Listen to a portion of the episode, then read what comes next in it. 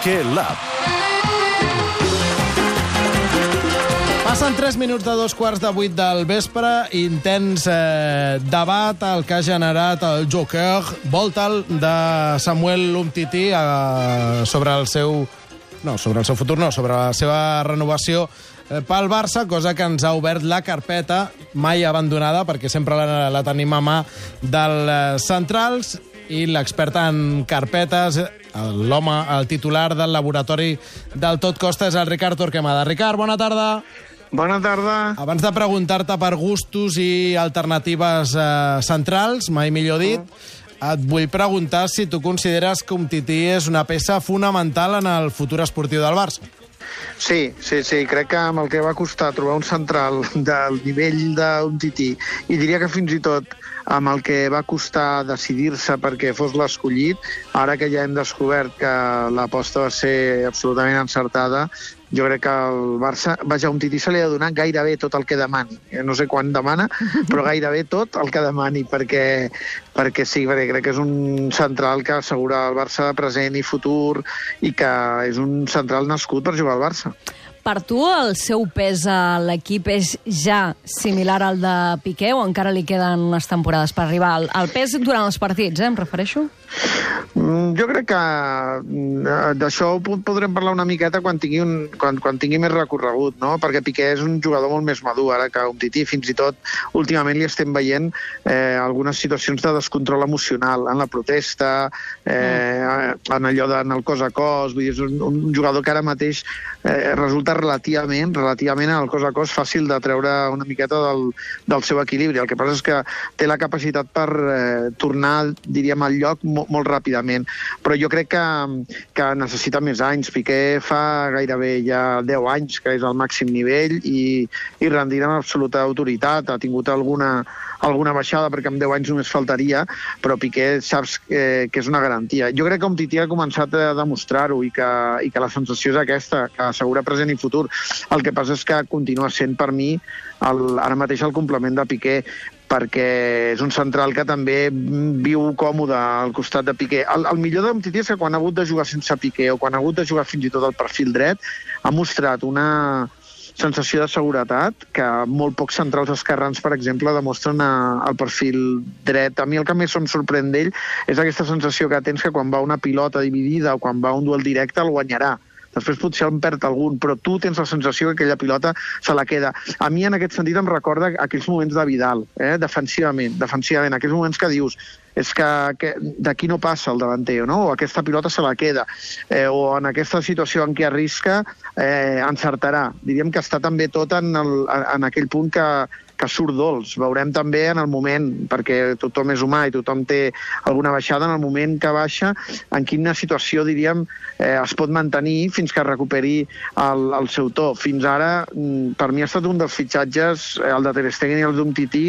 de fitxatges joves que ha fet el Barça els últims anys, dels millors fitxatges. Jo crec que gairebé és immillorable l'elecció d'Umtiti. No em voldria encallar amb un tití, perquè crec que tots estem d'acord al voltant de les seves condicions, però sí que aprofito per preguntar-te si tens la impressió que després d'aquella lesió que el va tenir més i mig dos mesos aturat, no l'hem tornat a veure amb l'esplendor de l'inici de temporada. Li va costar, jo crec que sí que li va costar tornar a un bon nivell, però jo ara mateix, amb, amb, bé, no sé si és el millor un tití, però està molt a prop. És que és un jugador que des que va arribar el seu nivell ha estat molt regular, no, Sí. no ha tingut pics eh, eh, ni errades, eh, diguem que hagin cantat eh, consecutives. N'ha tingut alguna perquè tothom es pot equivocar, però és que ha tingut molts encerts en una posició que hem dit moltes vegades que jugar a central al Barça és una posició d'alt risc, vull dir, és, és gairebé una aventura. Eh, I, eh, en canvi, un tití ho ha assumit des del primer dia amb naturalitat, amb maduresa. Eh, és a dir, no, no va passar gairebé procés d'adaptació. I estem parlant d'un central jove, Sí, sí. d'un central que, a més, eh, havia jugat com a lateral esquerre mm, molts eh, minuts com a professional, és a dir, que no és un central que fes set anys que jugués a, al màxim nivell, encara que fos en, en una competència menor, sinó que, que és un central, eh, diríem que d'un recorregut encara relativament curt, eh, i, perquè no era un central de, de naixement, i, i jo crec que no deixa de millorar. És possible que ara no estigui, com dius, després de la lesió, però vaja, estic convençut, jo estic convençut que aquest últim trimestre de temporada veurem el millor amb Tití. Uh -huh.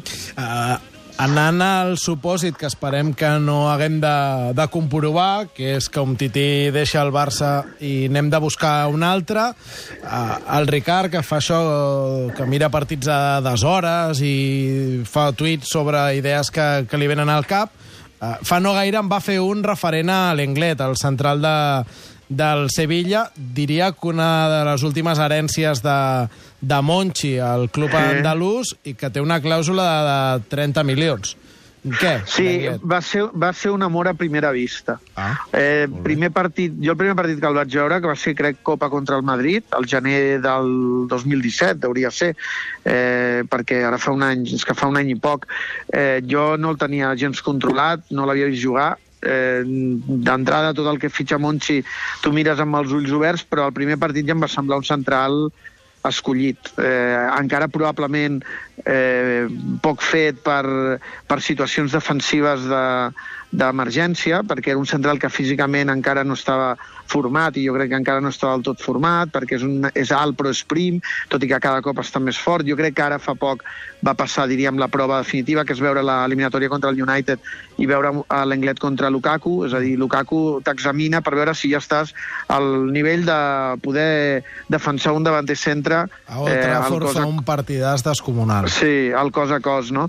I, i ja, jo crec que, que l'Englet és un central ideal eh, pel joc del Barça. Però és un central que té una sortida molt neta, és un central que és intel·ligent, que és un, és un central equilibrat, eh, fred, mm, un central que no perd mm, fàcilment eh, la posició, que, que és un altre central eh, amb l'autoestima alta. És a dir, que quan pren una decisió la pren amb totes les conseqüències, no dubta, que sap anticipar, que per l'alçada que té ràpid, eh, i que és un central de, de, de categoria. O sigui, a, a, a mi la veritat és que l'escola francesa em té captivat, perquè ara eh, l'altre dia repassava centrals francesos.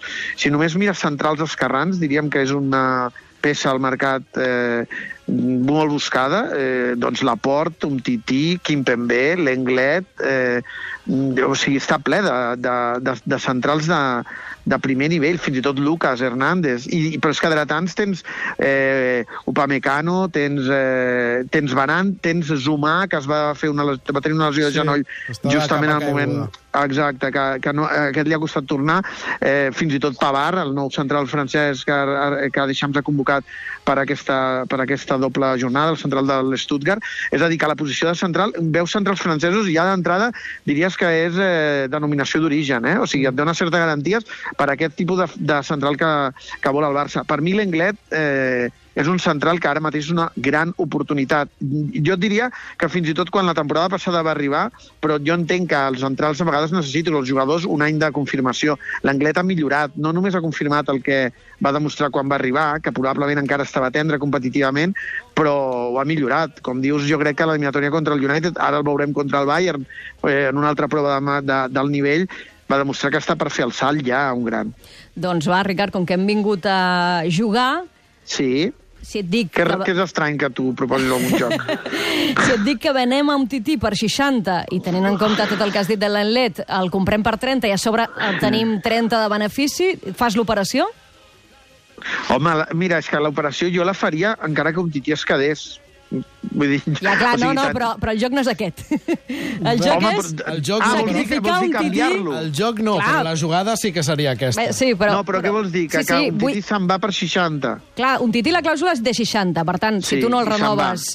Eh, imaginem que arriba un equip que te'l sí, compra per 60 sí, sí, sí. i com que pots anar a buscar l'Englet per sí, 30, sí. jo el que et pregunto és si, si a tu et convenç l'operació si sacrifiques un tití per l'enlet tenint en compte que, a més, et quedaran 30 milions a la caixa que pots fer el que vulguis amb ells. Home, em proposes un joc que té, té una solució bastant fàcil, perquè o sigui, jo a un tití no el vendria, no el sacrificaria, però si paga la clàusula perquè vol marxar, doncs no podem fer Val, una altra però, cosa però que si ell paga la no? clàusula perquè vol marxar és perquè tu no has fet prou, segurament, per, per que renovi. Jo faria gairebé tot perquè un per tant, tití et quedes, et quedes amb un tití.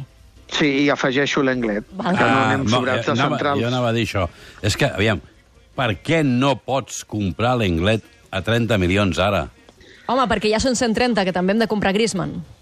Jo no sé si has de comprar Artur. però, però em fa I- i l'efecte... Artur, clar, 30 em fa més. l'efecte que 30 per l'Englet és... és, és, A, algun vaja. algun hauràs Barça- d'acabar venent. el Barça- El Barça no descarta incorporar un central, tot i que ara mateix no seria l'objectiu número 1 del pròxim mercat, però no està descartat perquè el tenen apuntat des de fa mesos. Campos, és que el pots comprar i el pots cedir.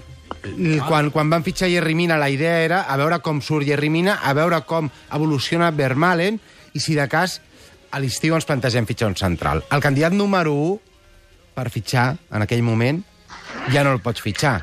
Era Íñigo Martínez. Però diria que el candidat número 2 és l'Englet. De Ligt no surt a cap llista? L'Elit surt als 50 milions que et costa. Val. Doncs 60 per Jo- un jo sí, sí- la llista, eh? Però... A mi, si em, de, a mi si em deixeu opinar sobre els 50 de Ligt i els 30 de l'Englet, no, no tinc cap mena de dubte, els 30 de l'Englet. O sigui, de Ligt Sí? em sembla un central de categoria, però em sembla, em sembla un central que, Perfecte. que d'entrada s'ha de comprovar a quin nivell competitiu està en grans escenaris. Mm. O sigui, és un jugador molt jove. És veritat, amb molt futur, eh, que el veus i veus que és un central diferent, però que és que no ha tingut encara, diríem, cap, eh, cap prova al màxim nivell. I estem parlant de jugar al Barça, no estem parlant de jugar en un altre equip.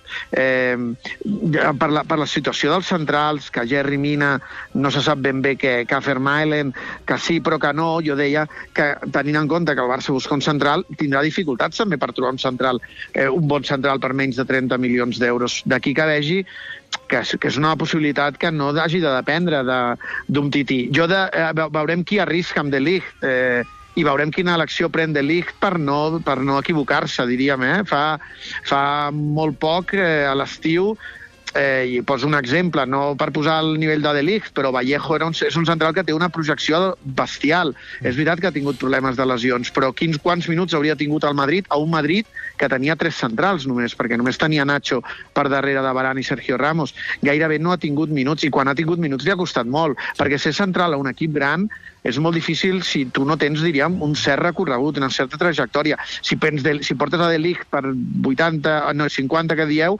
no podem ni posar-lo al filial ni gairebé cedir-lo per 50 quilos, trobo jo, eh? Per, per això que es fa... És del- massa del jove per cost. jugar al filial del Barça. No sé, la factoria l'altre dia proposava cedir Dembélé. T'has enfadat. Eh? Crec que t'has enfadat amb mi. No proposava cedir Dembélé. Es va Proposàveu posar com a- que, que hi havia l'opció de cedir Dembélé, un jugador de que ha costat més de 100 milions d'euros. Jo vull veure si ve Griezmann, si Dembélé l'any que ve és al Barça. Jo també vull veure. Presento, plantejo la, la hipòtesi. En tot cas, el Ricard Torquemada és més l'engletista que delictista, però Sí. sobretot és un titista. Seria un resum sí, correcte? Sí, sí i, i, i ja pots dir que gairebé és eh, central francès mm, me'l miro diferent, eh, perquè és que la llista és que Kimpembe em sembla un, un central bestial, la Port, tot i que s'ha encallat, i que jo crec que és el que, que costarà més tornar a canalitzar, però tenia totes les condicions, ves que treuen centrals amb molta facilitat. No sé des de quin moment, ni des de quan, ni quina és la referència, perquè apareguin centrals tan ben dotats per, per no només per defensar, sinó també per sortir jugant, és a dir, per ser un central complet. Bé, si se'ns en va un tití haurem d'anar a mirar el seu mateix país. Així ho diu el Torquelab. Ricard, gràcies. Adéu a.